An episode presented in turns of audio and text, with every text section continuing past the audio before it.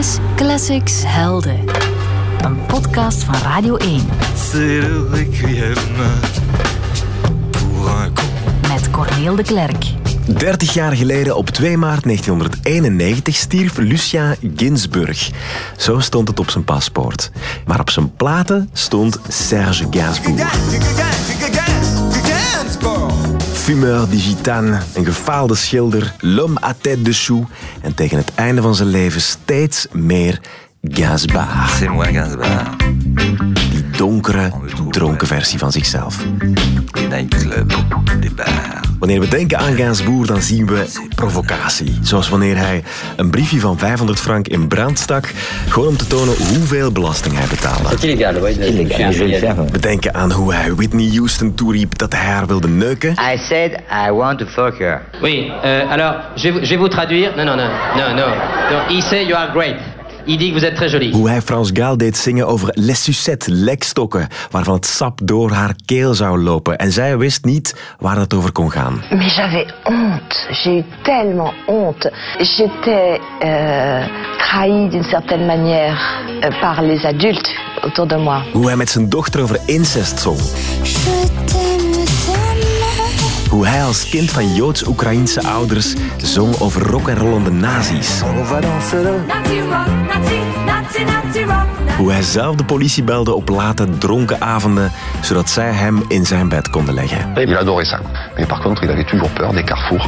Attention, ralentis, ralentis, arrête-toi. euh, mettait la ceinture, c'est- c'était vraiment euh, c'était marrant à voir. In deze podcast gaan we op zoek naar de echte Gainsbourg. We zoeken zijn mooiste muziek. We gaan op bezoek in zijn huis. We praten met superfan Daan. Hoe stoer hij ook wou zijn. Dat was helemaal geen stoere man. Dat was gewoon een heel introvert man, denk ik. Ehm, ja, tot op, het, tot op het aandoenlijke af. En ook met iemand die hem verschillende keren gesproken heeft. Zo zijn er niet veel in België, maar Herman Selleslags is één van hen. Hij was jarenlang bekend fotograaf bij Humo, fotograaf van The Beatles, Little Richard, Mick Jagger, Frank Zappa, The Ramones en dus ook van Serge Gainsbourg. Dag Herman Selleslags. Dag. Wanneer heeft u hem voor het eerst ontmoet? Heel vroeg, ik denk 1964, ben ik op het eh, muziekfestival Midem in Cannes. En ik ben op een terras samen met mijn vrouw. En Gainsbourg zit naast ons. En moet ik zeggen, ik kon zijn ogen niet afhouden van mijn vrouw. Dus toen heb ik hem al ontmoet. Het was een beetje gênant. En wanneer heeft u hem dan voor het eerst gefotografeerd? Ik denk de eerste keer dat ik hem echt gefotografeerd heb was in Napels bij het Eurovisie Festival. En dat ging absoluut niet goed. Er was een soort ruzie met Frans Gal. Ik weet niet waar het op stond. In elk geval, er was uh, onheil.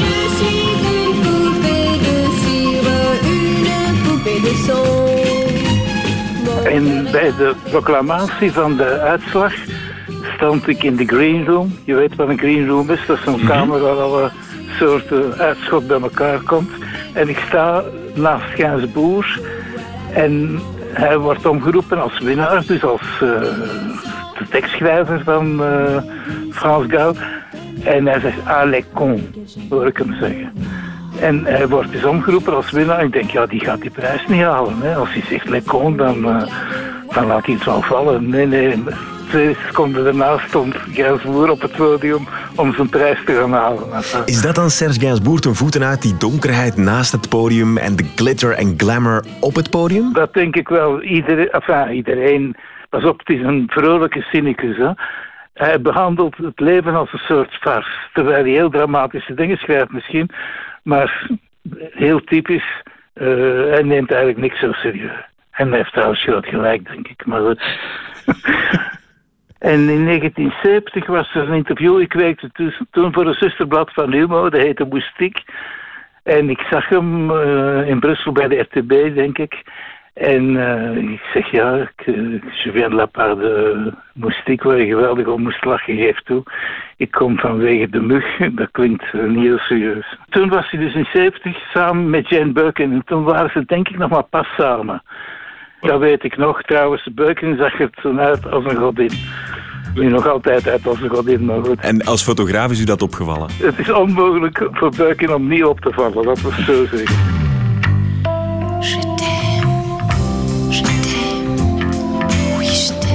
t'aime moi non plus was eens met BB opgenomen. hè, Mhm, met- Met Brigitte Bardot. Die dan niet mocht van haar toenmalige vrijers, maar goed.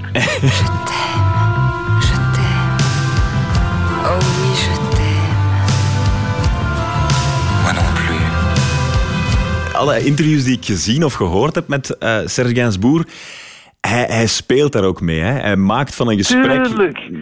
Dat is een toneelstuk. Je wordt getest, hè. Ik bedoel, die bekijkt je, begint met je te spreken en test je of het wel de moeite is om met je te spreken. Dat duurt misschien maar 20, 30 seconden, maar dan heeft hij je ingeschat en als het in orde is, gaat hij verder en dan zegt hij. Hè. Dus eh, in 1985 krijg ik om een uur of 7, 8 s'avonds een telefoon. Ga eens gauw naar Luxemburg, want er is een interview met Gainsbourg. En de journalist is er al. Dus ik spring in mijn auto, let wel, dat is de tijd voor de gsm's, hè? 1985. Rij naar Luxemburg, kom daar aan, meld me aan in het hotel. Waarop de man aan de balie zegt, nee, geen sprake van. Meneer Gainsbourg mag niet gestoord worden. Dus ik neem een kamer in het hotel en wacht en zie Gainsbourg daarna bij het ontbijt. En eh, hij was toen met bamboe. Heb je ooit foto's van bamboe gezien? Speciale vrouw. Nogal. In elk geval, bamboe op een bepaald moment, ze hebben ruzie. Want er was een, een tv-opname. We zijn van het hotel naar een tv-studio gegaan. En uh, Gainsbourg zegt tegen bamboe, enlève ta chemise. En zij zegt, non, pas question, non, je veux pas. Enfin, een hele, ruzie tussen de twee. En hij zegt, dat geloof je niet. Als jij je, je blouse uit doet, doe ik mijn hemd er ook uit. En ze hebben dus alle twee naakt, enfin, naakt, bo, naakt bovenlichaam die tv-opname gemaakt. Die moet nog bestaan trouwens, denk ik. Daarna zijn we koffie gaan drinken of lunchen, dat weet ik niet meer. En plots is ze verdwenen.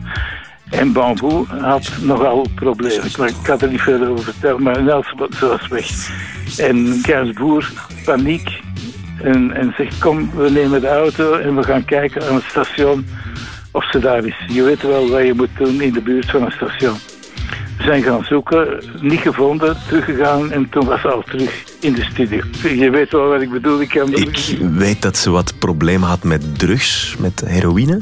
Ja, voilà. Trouwens, ik moet zeggen, uh, bij het ontbijt in het hotel bestelde hij onmiddellijk een, uh, een 102. Weet je wat een 102 is? Twee Pernod 51 in één glas. Ah ja, oké. Okay.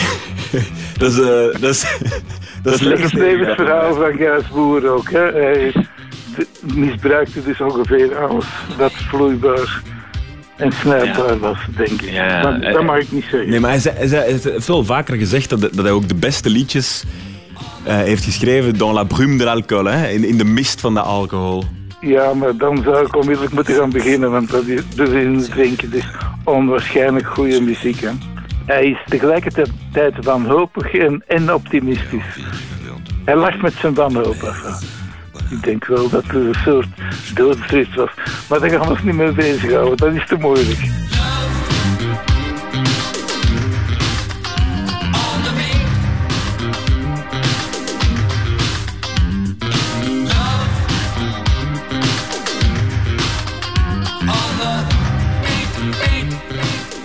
Geweldige muziek en een fascinerend karakter. En je kan de twee niet van elkaar loskoppelen. Over de muziek gaan we het straks nog hebben. Maar nu nog eerst even praten met een man die zegt dat hij Gainsbourg begrijpt. Iemand die net als Gainsbourg in dit interview sigaret na sigaret opstak. Maar toch in het algemeen iets minder provoceert. Ilse Liebens ging op bezoek bij Daan. Als Gainsbourg vandaag zou leven en die was pakweg 35 geweest, zou die gedaan hebben wat hij toen deed? Zou hij dezelfde platen gemaakt hebben, dezelfde soort carrière geambieerd hebben? Ik denk dat nog minder mode zou geweest zijn om te provoceren, om, uh, om het zo uit te hangen. Mensen doen dat tegenwoordig niet meer. Dat is uh, echt helemaal niet fashionable van, van zo tegendraads en koppig uh, te zijn. Het zou ook moeilijker zijn om te vernieuwen nog, denk ik. God, nee, ik denk dat hij in de, in de perfecte periode ervoor geboren was. maar ik denk wel dat hem moest hem nu geen 35, maar moest hem 80 zijn nu, dat hem nog fantastische dingen zou doen. En... Toen jij Gainsbourg ontdekte of voor de eerste keer hoorde, hoe zag jij hem toen? Zag jij meteen door de façade of heb je daar ook wat tijd voor nodig gehad? Ik, denk het eerste wat dat als kindje hoort is uh, Je t'aime moi non plus. Dus, dus het duurt even om, uh, om de man erachter te, te, te ontdekken. Maar um, ik zie hem eigenlijk helemaal niet als de karikatuur die hem zelf gemaakt heeft. Uh, ik zie daar vooral een heel, een heel lief man in. Uh, als ik er nu naar kijk, dan, dan word ik vooral vertederd. En dan zou ik hem bijna een knuffel willen geven. Of, uh, ja, het is een beetje tragisch eigenlijk. hoe stoer hij ook wou zijn. dat was helemaal geen stoere man. Dat was gewoon een heel intelligent, introvert man, denk ik.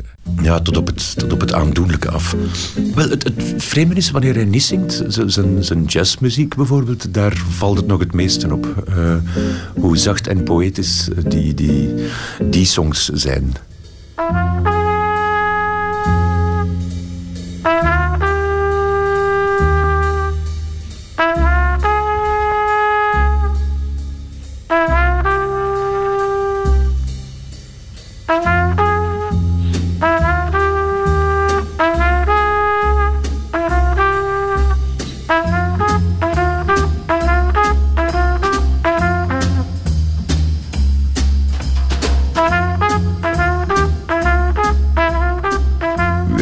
Mijn studio komt geen enkel schilderij of geen enkel foto van een andere artiest binnen, behalve Gainsbourg. Dat is de enige die aan de muur hangt.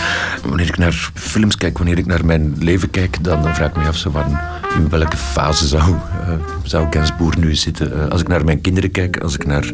Het is, tegelijkertijd ook een handleiding en een waarschuwing... Uh, het is, een soort van beschermmengel, al was het uh, allez, de omgekeerde versie van een beschermmengel van wat je met je leven kunt doen. En dat intrigeert mij heel hard.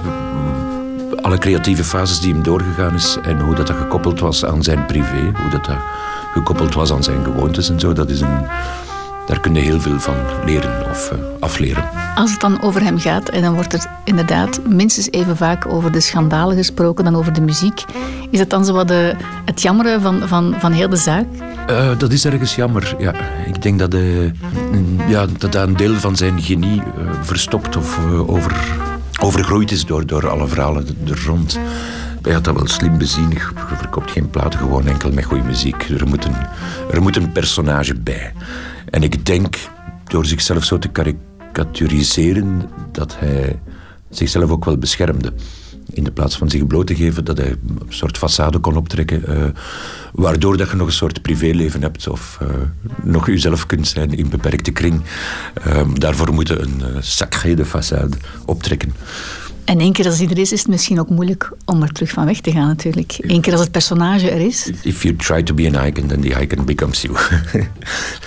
en dan, en dan, ja, dan zie je zelf niet zo scherp meer wat, wat nu uw zelf gecreëerde uh, imago is. Um, en dan begin je te handelen naar, naar een figuur dat je zelf hebt geschapen natuurlijk. Dat is een valstrik. Wanneer voel je zelf van, oké, okay, wacht, dit, dit personage, dit loopt een beetje uit de hand. Ik ben dat personage aan het worden. Is er een moment waarop je dat beseft wel? Ja, wanneer dat je dingen twee keren doet. Muzikaal, wat denk je, wat is de allergrootste verdienste van Gainsbourg? Goh, wat, wat, ik geweldig vind is dat hij los was van alle genres. Van het publiek hebben dat alle leeftijden bestrijkt. Alleen van, van op je 60 nog 20-jarigen kunnen, kunnen het hoofd hol uh, zot te maken. Eender wat hem aanraakte, maakte hem, maakte hem goud van. Uh, en dat is dan gewoon uiteindelijk om het publiek te laten voelen dat de rode draad niet ligt in, in, in een genre of zo. Dat, dat een genre maar een, een, een verpakking is. Um. En in welk van zijn genres vond jij hem dan het beste?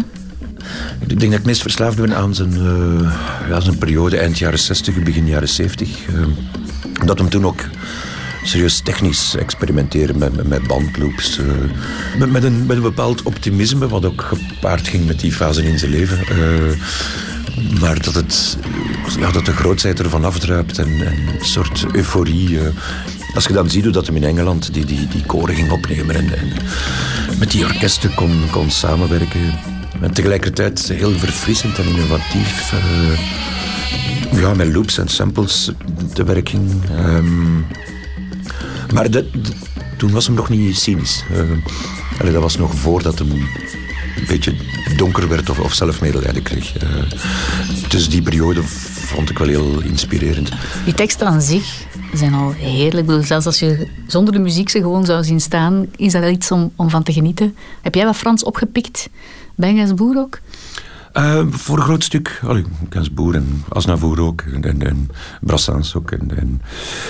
Maar het grappige is, Gainsbourg prikkelt mij wel, ook met mijn grafische vormgeving verleden. De manier waarop hem taal gebruikt als, als, uh, als pop-art. Gewoon als... Uh, heel vreemde associaties um, en pure woorden op in de klank, op, op de schoonheid van het woord. Rijmen tussen verschillende talen is er ook een van. Het is alsof dat hem in elke hand een, een schaar vast had en, en zijn tekstblad gewoon kon verknippen en terug door elkaar schuiven en dan werkt het nog. Als, als ik teksten schrijf, dan... dan ja, dat is het eerste wat je je afvraagt. Van, wat zou Gainsbourg ermee doen? Of, hoe kunnen we dat woord... Um, ik was gisteren nog naar tv aan het kijken en op een gegeven moment hoor ik zo'n woord, gewoon tone deaf, uh, toondoof. Uh, maar in het Engels heeft dat veel meer betekenissen. En dan zijn ze vertrokken, allee, dan, dan noteer ik dat direct in, in mijn gsm. En dan, ja, gewoon de, de, kracht van simpele woorden op, op een verpakking, eender waar. Uh, het constant, heel een dag lang verzamelen van krachtige, simpele woorden die de aanleiding kunnen geven tot, tot een volledige songtekst. Uh, dus er kijkt altijd wel een Gainsbourgje mee over uw schouder. Wat is voor u nou de beste tekst van Gainsbourg, of het beste stukje tekst misschien? Ik denk, denk toch uh, Le Poinçonneur de Lille. Dat dat zo'n stortvloed is van, van, van scherp gevonden woorden. Die een tekst is, is zo geweldig omdat hem zichzelf relativeert en eigenlijk een tristig klein figuurtje van zichzelf maakt. Le gars qu'on croise mais qu'on ne regarde pas. Uh, terwijl er later nog heel hard naar Gainsbourg zou gekeken worden. Maar ik vind dat wel grappig dat hij eigenlijk doorbrak met een zelfklachten van niemand kijkt toch naar mij om. Ik maak maar gaatjes in, uh, in kaartjes. Uh, ja, in dat nummer zit echt de kiem van, van waar hij vandaan kwam op dat moment en waar hij naartoe ging gaan. Je suis le poinçonneur des lilas, le gars qu'on croise et qu'on ne regarde pas. Y a pas de soleil sous la terre, drôle de croisière. Pour tuer l'ennui, j'ai dans ma veste les extraits du Reader Digest. Et dans ce bouquin, y a écrit que gaz la coule douce à Miami. Pendant ce temps que je fais le zouave au fond de la cave, paraît qu'il n'y a pas de saut métier. Moi je fais des trous dans des billets. Je fais des trous, des petits trous, encore des petits trous. Is er ooit een moment geweest dat je hebt gedacht, uh, misschien moet ik iets doen met de nummers van Gainsbourg? Of gaan we daar nooit naartoe? Nee, nee, nee, nee. nee. We pikken natuurlijk hier en daar wel een arrangementje of een, of een klank. Of, uh, iedereen pikt de basklank van Gainsbourg. Uh, een liedje gelijk Fireproof. Uh, ja, dat is pure Gainsbourg. Um, dingen. Um, Everglades. Dat is, dat is ook gewoon pure Bonnie en Clyde. Uh, ja, ja soms is het zo duidelijk dat je zelfs, jezelf moet verplichten om dat in het Engels te zingen en niet in het Frans, omdat anders, anders ligt het er te dik op. Kijk, dat vind ik mooi. Daan geeft het gewoon toe. Ik heb gepikt van Serge Gainsbourg. Over dit lied gaan we het zo meteen nog hebben met mijn volgende gast. Het is een eh, man die als kind in een Frans taalbad is gevallen en daar als een obelix van de Franse muziek is uitgekomen. Dag Patrick Rigel. Dag Corneel. Patrick Rigel moet ik zeggen. Patrick Rigel. Ja, je bent um, opgegroeid in het Frans ook voor een stuk? Uh, ja, Frans was uh, de moedertaal of de gesproken taal bij ons. Jij bent dus ook opgegroeid met die Franse muziek. Ja. Als je Serge Gainsbourg plaatst in de geschiedenis van de Franse muziek, is dat een van de grote uitschieters of zegt iedereen, nee, het is de grootste? Ferré, Brel, Brassens, die als de drie grote beschouwd worden. Ja. Uh, wel, ik vind Gainsbourg uh, mag daarboven staan eigenlijk. Echt waar? Omdat hij uh, zijn muziek zo divers heeft ingekleurd. Hij experimenteerde veel meer. Het is zelf een leeftijdsgenoot van die mannen, want Gainsbourg is zelf een jaar ouder dan Jacques Brel. Hij is in 28 geboren. Maar. Ongeveer een jaar eerder. Muzikaal gezien waren Ferré en Brel misschien conservatiever mm -hmm. dan Gainsbourg. Vandaar dat ik hem een trapje hoger ga zetten. Ja. Maar ik wil er graag bij vertellen dat de regel van de grote drie, dat is natuurlijk zeven in pakjes. Dat moeten we maar zelf uitmaken. Hè. Exact, iedereen zijn eigen grote voilà. drie. Je hebt een aantal nummers uitgekozen om ons te helpen, te gidsen. Uh -huh. Een aantal grenspalen plaatsen doorheen zijn carrière, dat gaan we doen. Um, en dus moeten we aan het begin beginnen met een, een lied dat ik niet ken. Sait-on jamais où va une femme Quand elle vous quitte. Quand elle vous quitte. Weten we waar een vrouw naartoe gaat wanneer ze ons verlaat? En de insteek was, dat zinnetje eh, eh, werd eigenlijk uitgesproken door Henri Désiré Landru. En dat was tot vandaag de dag de bekendste seriemoordenaar van Frankrijk, die in 1922 eh, in Versailles ter dood gebracht werd. Hij werd geguillotineerd omwille van de moord op elf vrouwen. En dat was een zinnetje dat hij zei tegen de rechter toen hij de rechter hem vroeg waar is die bepaalde vrouw naartoe? En hij antwoordde, sait-on jamais où va une femme quand elle vous quitte? dus dat is een inspiratiebron voor Gainsbourg en dat geeft zo wat licht op zijn duistere... Dat, dat zegt goesting. veel. Maar dat zegt veel over Gainsbourg. Dat is een beetje die morbide, donkere, duistere kant van hem. Maar anderzijds ook de humor, want het Ja, is ook absoluut, wat licht. Die combineert hij graag. Hè? Ja, dat is in gans zijn werk, hè, over gans zijn carrière vinden dat. Voor La Petite Histoire, eh, toen Gainsbourg de eerste keer in België kwam spelen, in de Milord d'Arsouille, een, een club hier op de Wahilaan. Ja, in, in, in Brussel. Bestaat trouwens nog altijd. En eh, het was de geweldige Jo Decmin, die jarenlang programmator in de Théâtre 140 is geweest, die hem naar hier gebracht heeft voor zeven concerten. En de pers vond het zo slecht eh, dat ze het zevende concert zelf niet meer hebben moeten spelen. Ze zijn eerder naar huis gegaan. Maar dat was met die mannen en net op toen die plaat uitkwam, begin jaren 60. We gaan luisteren waar mensen dus niet enthousiast over waren in die tijd. Sait-on jamais où va une femme quand elle vous quitte Où elle s'en va quand elle s'en va Qui sait Sait-on jamais où va une femme quand elle vous quitte? Moi je le sais, toi tu es parti à jamais. Sait-on jamais où va une femme quand elle vous quitte? Uit 1963. Je voelt, dat, dat is men nu een Frans chansonnier zou nadoen. Kom ik dat je dat zegt, zou nadoen, want dat is het eigenlijk. Ja. Zo zou het nu gebeuren. Ja. Ja, maar dat, dat deed hij misschien op een manier ook nog op dat moment. Hij was zijn stijl nog wat aan het zoeken. Ja, maar hij was toch een... eh, hij wa- was gegek op jazz en die bebop vooral heeft hij. De avant-garde van de jazz, dat zocht hij op. Om even voor te gaan op dat morbide, die morbide humor. Als je weet dat hij tijdens de oorlog met een jodenster heeft rondgelopen als kind. En hij dacht dat dat een sheriffster was. In zijn verbeelding was hij sheriff. Dat zijn al zo elementen die duiden op hoe hij daarmee omging. Met de gruwel van de oorlog als Joods zijn. Het is een, een fascinerend figuur en dat heeft er allemaal mee te maken, denk ik wel. Ja. We gaan een aantal jaar opschuiven in de tijd. Naar 1968. 68, ja. 68, het, het jaar waarin in Parijs alles ontploft. Het is feest in Frankrijk, ehm, voor sommige mensen dan toch. Ehm, en Serge Gainsbourg brengt Bonnie en Clyde uit. Ja, de inspiratiebron was eh, de film. Hè. En weer twee misdadigers. Robin Hoods voor zichzelf. Ja, ja, ja. Eh, iconische figuren. En dat hij uitgerekend dat soort figuren in een song verwerkt. De tekst ervan is eigenlijk min of meer een letterlijke vertaling van The Trail's End. Wat een gedicht was van eh, Bonnie Parker. Muzikaal gezien, kunnen we daar wat over zeggen? Want het is, het is een zeer mooi lied ook gewoon. Ja, eh, het was ook zijn eerste samenwerking met Michel Colombier. eh, die nummers arrangeerden op een heel speciale manier. eh, met verwijzingen naar klassieke muziek. Waarvoor hij trouwens ook op de vingers getikt werd. Omdat hij thema's jatte. ja. om in die nummers te zetten. Hè, Van, van, van, periode. van wie heeft hij? Van Prokofjev heeft hij denk ik iets ge- gejat. voor het nummer Initiaal BB. Ja. Hoe schrijft hij zelf muziek dan? Alle piano was een, een, eh, een zeer goed pianist trouwens. Zijn instrumentaal werk is eh, ook zeer onderschat. Een goede gitarist. Want hij begeleidde eh, een zangeres Michel Arnaud in, eh, in de cabarets van de Rive Gauche.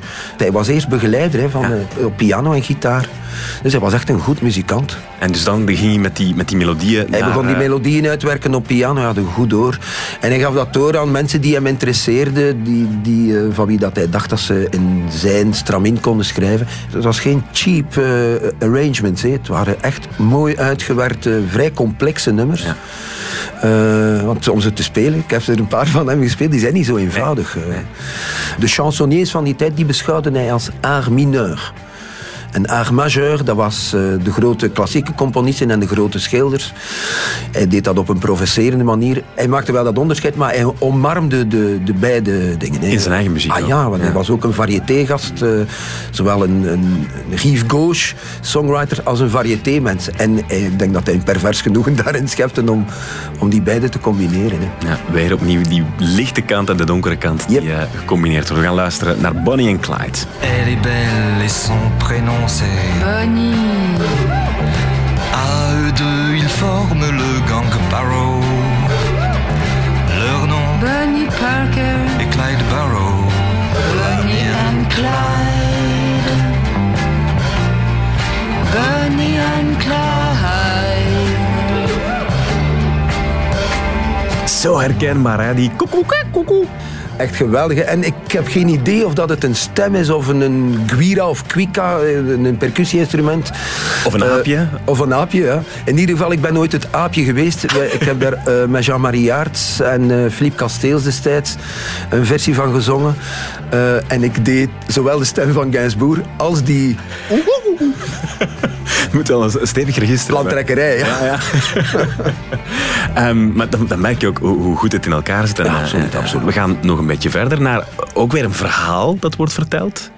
La Ballade de Melodie Nelson. Ja, en dat is eigenlijk eh, een nummer uit een, zijn eerste conceptplaat. Histoire de Melodie Nelson in 1971 opgenomen. Weer met een andere arrangeur eh, en componist, Jean-Claude Vanier. Ze hebben elkaar ontmoet in Londen.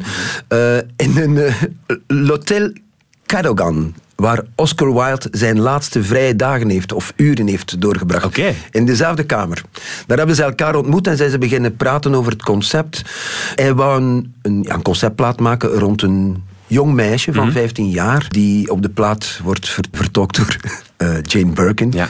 Eh, Ze doet er niet veel op op die plaat. hè. Wat hijgen en eh, wat lachen. En... Het is een conceptplaat. Het is een, een, een rechtlijnig lineair verhaal over dat meisje die een oudere man ontmoet. Spoiler alert, ze gaat dood op het einde in een vliegtuigcrash, als ik het mij goed herinner. Vanier en Gainsbourg hebben eerst de muziek geschreven opgenomen en pas dan is hij aan de teksten begonnen. Dat vind ik altijd heel interessant om te weten, omdat het is, dat is iets wat ik zelf mee worstel. Met wat begin je eerst? Komt het samen? Ik denk dat het eh, eh, vooral veel zegt over zijn onzekerheid over teksten. Dat zijn onzekerheden. Ik ken die ook. Ik denk dat iedere songwriter dat kent, behalve Bob Dylan. Eh, hij worstelt met het schrijven van een tekst en toch brengt hij tot een goed einde. Het is altijd leuk om te horen dat grote helden ook dat soort onzekerheden hebben. Ça, c'est l'histoire de Melodie Nelson. qu'à part moi-même, personne n'a jamais pris dans ses bras. Ça vous étonne, mais c'est comme ça.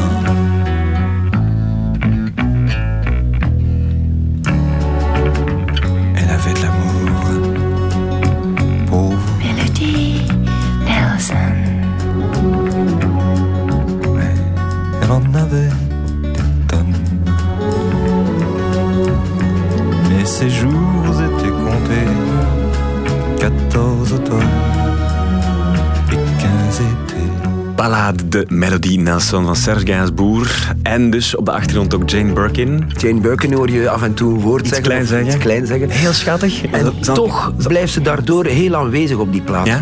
Je hoort ook hoe minimalistisch die muziek is. Hè? Hmm. En toch is dat een grote compositie in mijn ogen. Heerlijke baspartij. Oh, zeer mooi. Wat dan niemand echt goed weet wie speelt het nu. Hè? Ah ja. Er is eh, lang gedacht dat het eh, Herbie Flowers was, hè? een beke- bekende sessiemuzikant die op veel Bowie-platen speelt.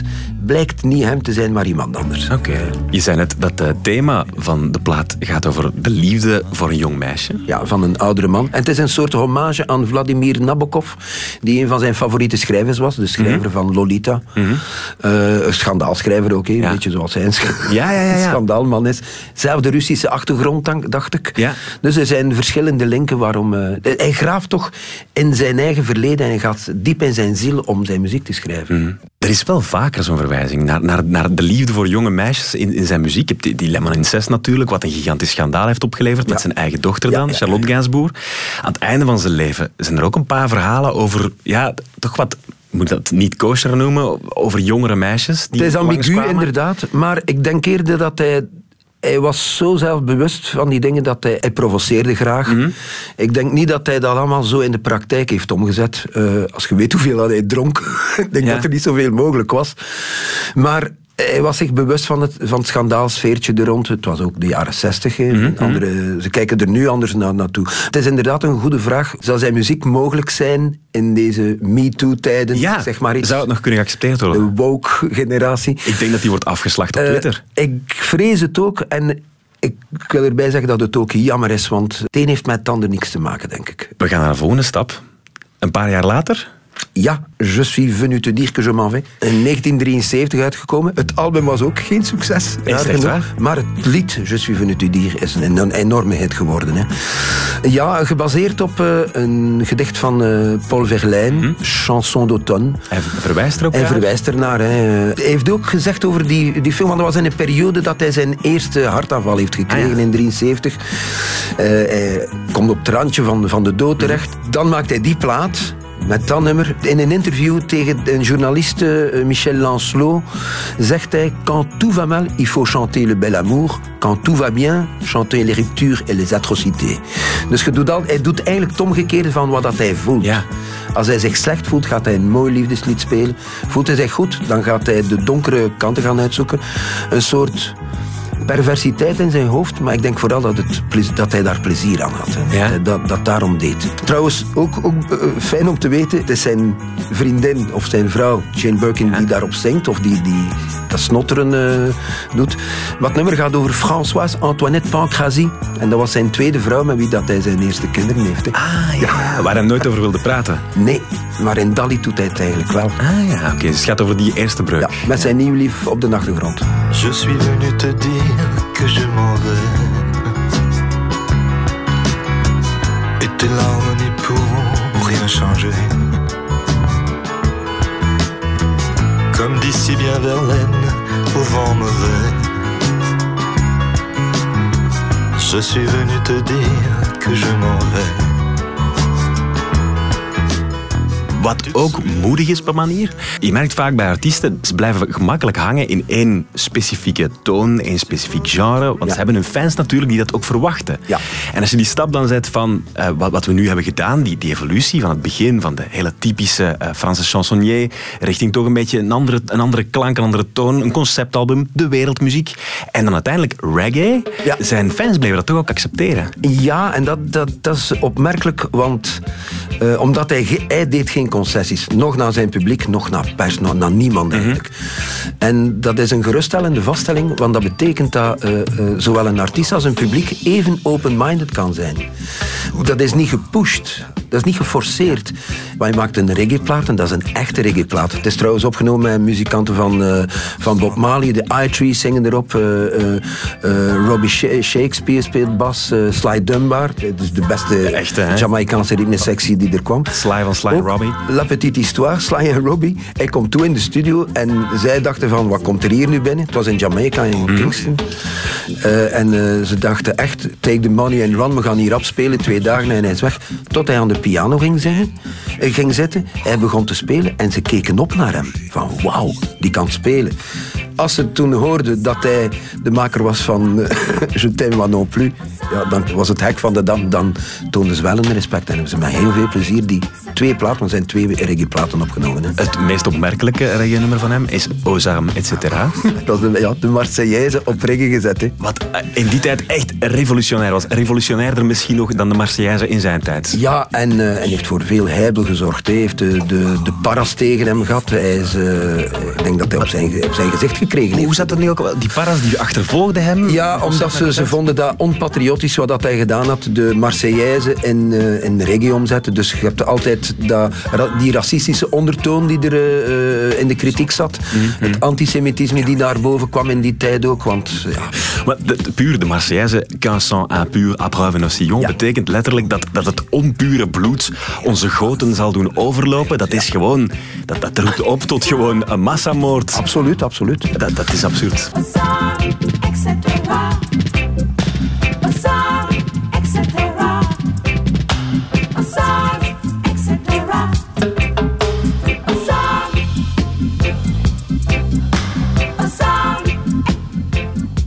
Passeerde al bij Rigel en daar straks ook bij Daan.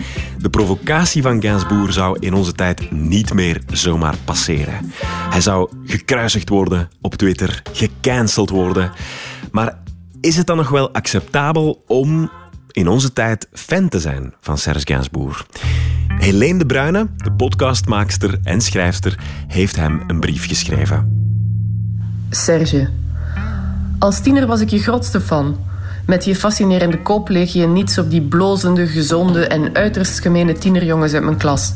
Je liedjes maakten me roezig en een beetje hitsig en later, toen mijn Frans beter werd, bracht je me ook aan het lachen. Terwijl ik naar jou luisterde, fantaseerde ik over een ander leven. Een leven vol slimme, prikkelende gesprekken, veel wijn, donkere cafés en seks. Een leven waarin niemand de dingen te ernstig neemt. Later, toen ik ging studeren en de wijn en de donkere cafés effectief deel werden van mijn leven, danste ik op je muziek, het liefst in licht aangeschoten toestand. Toen leerde ik over de controverse rond Je t'aime, moi non plus. Belachelijk vond ik dat een preuts, al dat gedoe voor een beetje geheig. Je steeg alleen maar in mijn achting. Ook over de andere controversies las ik. Lemon Incest vond ik een zeurderig nummer, je akkefietje met Whitney Houston de faux pas van een dronkenlap. Ik bleef gewoon lekker luisteren. Daarna ging ik minder op café en ging ik minder wijn drinken. Ik heb je niet bewust uit mijn playlists geweerd. Ik ben je gewoon gaandeweg een beetje vergeten. Tot nu. Iemand noemde je de Weinstein van de muziek. Zangeres Leo zei dat het tijd was om je van je voetstuk te laten vallen. Nu heb ik je nooit op een voetstuk geplaatst. Kunstenaars zijn ook maar mensen. Ze verdienen geen piedestal. Maar toch schrok ik een beetje. Zou het? Ik kijk nog eens naar dat filmpje met de piepjonge Whitney Houston. Beschamend, zelfs voor 1986. Houston doet het goed. Ze vraagt smalend of je zeker bent dat je niet dronken bent. Na de uitzending was ze terecht furieus. Jaren later kon ze er volgens de interviewer alweer om lachen. Dat doen veel vrouwen na zo'n strontvervelend maar niet traumatiserend incident. Het weglachen. Wat kunnen ze anders? Mannen vinden pretbedervers nooit leuk. Ze moeten ook aan een carrière denken. Een onmogelijke positie is dat. En zo komt het dat types als jij nooit op de vingers werden getikt voor een vervelende gedrag. De individuele man is een kleiner probleem dan het systeem waarin zijn gedrag getolereerd wordt. En verder, je provocerende teksten. Als iemand die nu zou schrijven, waren ze belachelijk. Maar toen, toen iedereen nog geloofde in de seksuele bevrijding, toen het slopen van taboes een politieke daad was, dan is het niet gek dat een provocateur als jij met die taboes aan de haal ging. Het was à la mode. Geen van je zingende exen heeft trouwens een kwaad over je te zeggen. Je had een lastig karakter en je zoop te veel, maar je hebt je nooit aan hen opgedrongen. Je dochter Charlotte Gainsbourg nam in 2010 zelfs nog een nieuwe versie van Lemon Incest op. En zij smoort keer op keer alle geruchten over echt incest. Een uitgekookt roofdier als Weinstein ben je dus duidelijk niet. Wel een man met een ego en een drankprobleem. Een man grootgebracht in een erg seksistische tijd. Een man die vrouwen irritant gevonden hebben zonder er iets van te durven zeggen. Als je vandaag zou leven, zou ik je op de vingers stikken. Ik hoop dat je dan netjes sorry zou zeggen. Dan kunnen we samen nog naar een liedje luisteren.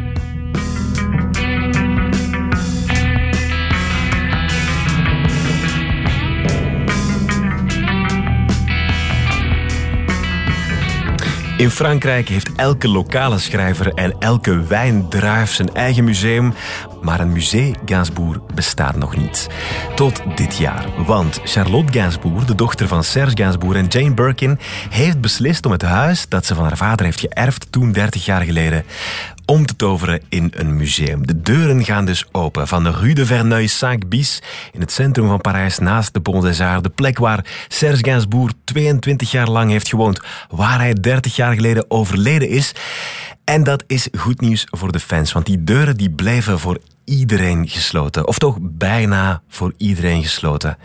Want Rudolf Hekke is er binnen geweest. Dag Rudolf Hekke. Dag Corneel. Je bent uh, een van de ja, grote kenners, biograaf van Serge Gainsbourg. Hoe ben jij ooit in dat huis binnengeraakt? Uh, op een bizarre manier eigenlijk. Uh, tijdens een lezing in, in cultureel centrum in Birbeek uh, zaten er wat mensen op de eerste rij die zo heel een tijd heel, heel raar aan het kijken waren eigenlijk. Zo, alsof ze er niks van begrepen eigenlijk. Maar op het einde, op het einde van de show, in, in, in de backstage ruimte, kwamen die mensen naar mij en die spraken me aan in het Frans en ze zei van on n'a rien compris Ze had er dus inderdaad niks van begrepen. Mais il était là, zei ze. Dus Gainsbourg stond er, hij was aanwezig. En ja, dat was fijn om te weten dat ze van Parijs speciaal naar Birbeek afkwamen. Maar het gevolg was wel dat ik een paar dagen nadien een telefoontje kreeg van Jean-Pierre Prioul. Dat is dan de, de laatste majordom, dus eigenlijk de, de huisbewaarder van Gainsbourg zijn tempel waar hij de laatste tien jaar van zijn leven mee, mee samengeleefd heeft eigenlijk. En die zei me, voilà, uh, dimanche, zondag, midi, op de middag en 5 bis. En dan wist ik dat, dat het zover was. En dan ben ik die zondag naar, naar Parijs gereden en op de middag stond ik voor de deur van 5 bis. Plots klokslag 12 ging die deur achter mij open en ja, dan ben ik binnengestapt en dan ben ik de eerste keer kunnen Gainsbourg en zijn heiligdom bezoeken eigenlijk. Het, het is echt een heiligdom, hè? want langs de buitenkant zie je um, heel veel graffiti ter ere van Gainsbourg. Je kan niet binnen door die poort en binnenin is dus nog niets veranderd sinds 30 jaar. Sinds die uh, bewuste dag waarop hij overleden is. Dus het moment dat ik daar binnenstapte had ik wel even schrik. Zo gezegd, stel nu voor dat dit niet klopt. Want ik had het geluk om met, Benjamin Biolin een dag in Parijs rond te lopen. En die wees me ook bij het huis van Gainsbourg. Zegt, ja, hier moet eigenlijk niet meer binnen gaan. Want dat stinkt hier muven en de kalk komt uit de muren. Dus ik dacht, van, stel je voor. Maar niks was minder waar eigenlijk. Op het moment dat je daar die eerste stap binnenzette, leek het alsof, alsof hij aanwezig was. Uh, het enige wat ontbrak was eigenlijk de tabaksrook. Want, want ik kwam onmiddellijk binnen in een parfum, waarvan ik dan achteraf ook vernam van, van Jean-Pierre Priol. Mm van dat dat heel, heel uh, speciaal wordt samengesteld uit flacons die Jane Birkin heeft achtergelaten na haar vertrek in, in, in dat huis. En heeft me die ook laten zien in de badkamer. Een vijftigtal die allemaal nog op exact diezelfde plaats stonden. Want als je daar iets van verzet, dat was Gainsbourg zijn filosofie, dan, dan geef je toe dat, dat de toestand veranderd is, dat de tijd eigenlijk verder gegaan is. En de tijd is, is gestopt voor hem. De tijd, hij, hij is meester van de tijd geworden. En dus Serge Gainsbourg stelde zijn eigen parfum samen in de badkamer, blijkbaar.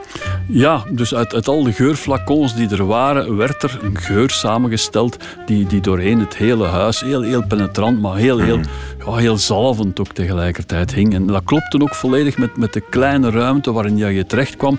Helemaal zwart behangen met, met astrakhan doeken. De, de, de koepels die er waren ook afgedekt met zwarte doeken, want, want hij haatte eigenlijk het daglicht, Gainsbourg. Hij kon absoluut niet creatief zijn in daglicht.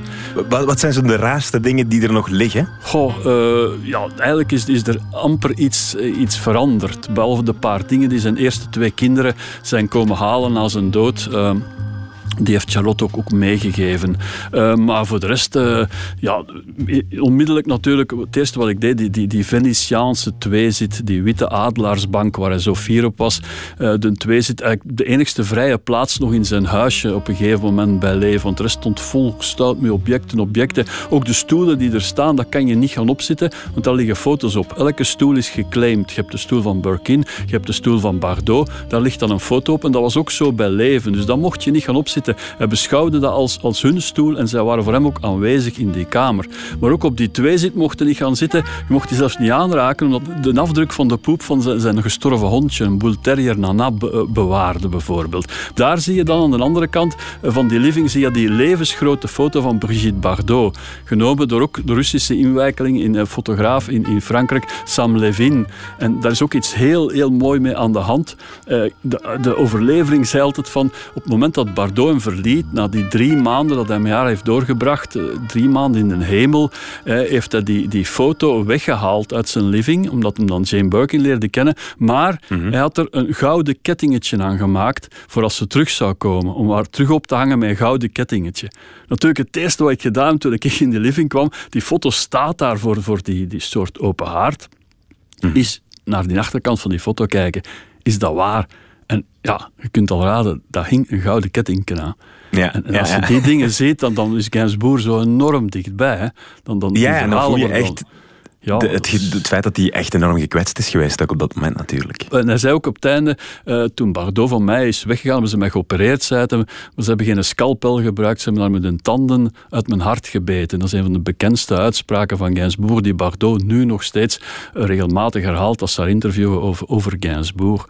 Zo beschouwde hij het. Er is ook een verhaal over, over de kinderkamer ehm, van Charlotte Gainsbourg, mhm. dat die zou dichtgemetseld geweest zijn op het moment dat zij bij hem wegging in de jaren tachtig dat huis verliet, ja. dat het volledig met poppen volgestouwd is geraakt. Er zijn twee dingen die je door elkaar haalt nu. Dat is de, de kamer van Jane Birkin is volgestouwd met poppen. Dat is als chambre de poupée geworden. Mhm. Maar wel de kamer van de kinderen, die heeft hij dichtgemetseld op het moment dat hij eigenlijk bij zijn, tweede, zijn, ja, zijn eerste zoontje Lulu geboren werd. En die zat Oh ja. met, met moeder bamboe in het moederhuis. Mhm, mhm. En hij heeft die geweigerd om terug te komen naar zijn eigen huis. Hij heeft, hij heeft die het huis gezet en die heeft op dat moment hij een replica gekocht in het 13e arrondissement van Parijs, Rue du Moulinet, numero 7. eh, volledig laten inrichten als zijn huis, maar zonder hem. Omdat hij vond van, op, ik, ik, ga, ik ga echt de dieperik in, voor mij is het leven bijna gedaan en ik wil dat niet. Die sfeer wil ik mijn, mijn, kind niet zien opgroeien. Dus hij heeft die replica gekocht, de kinderkamer dichtgemetst, dat de kinderen ook bij hem niet meer konden komen. Dat was, dat was een afgesloten zaak. En dat is ook iets wat ik ga naar kijken ben. Dat bevindt zich achter Mhm. de keuken, de kleine keuken.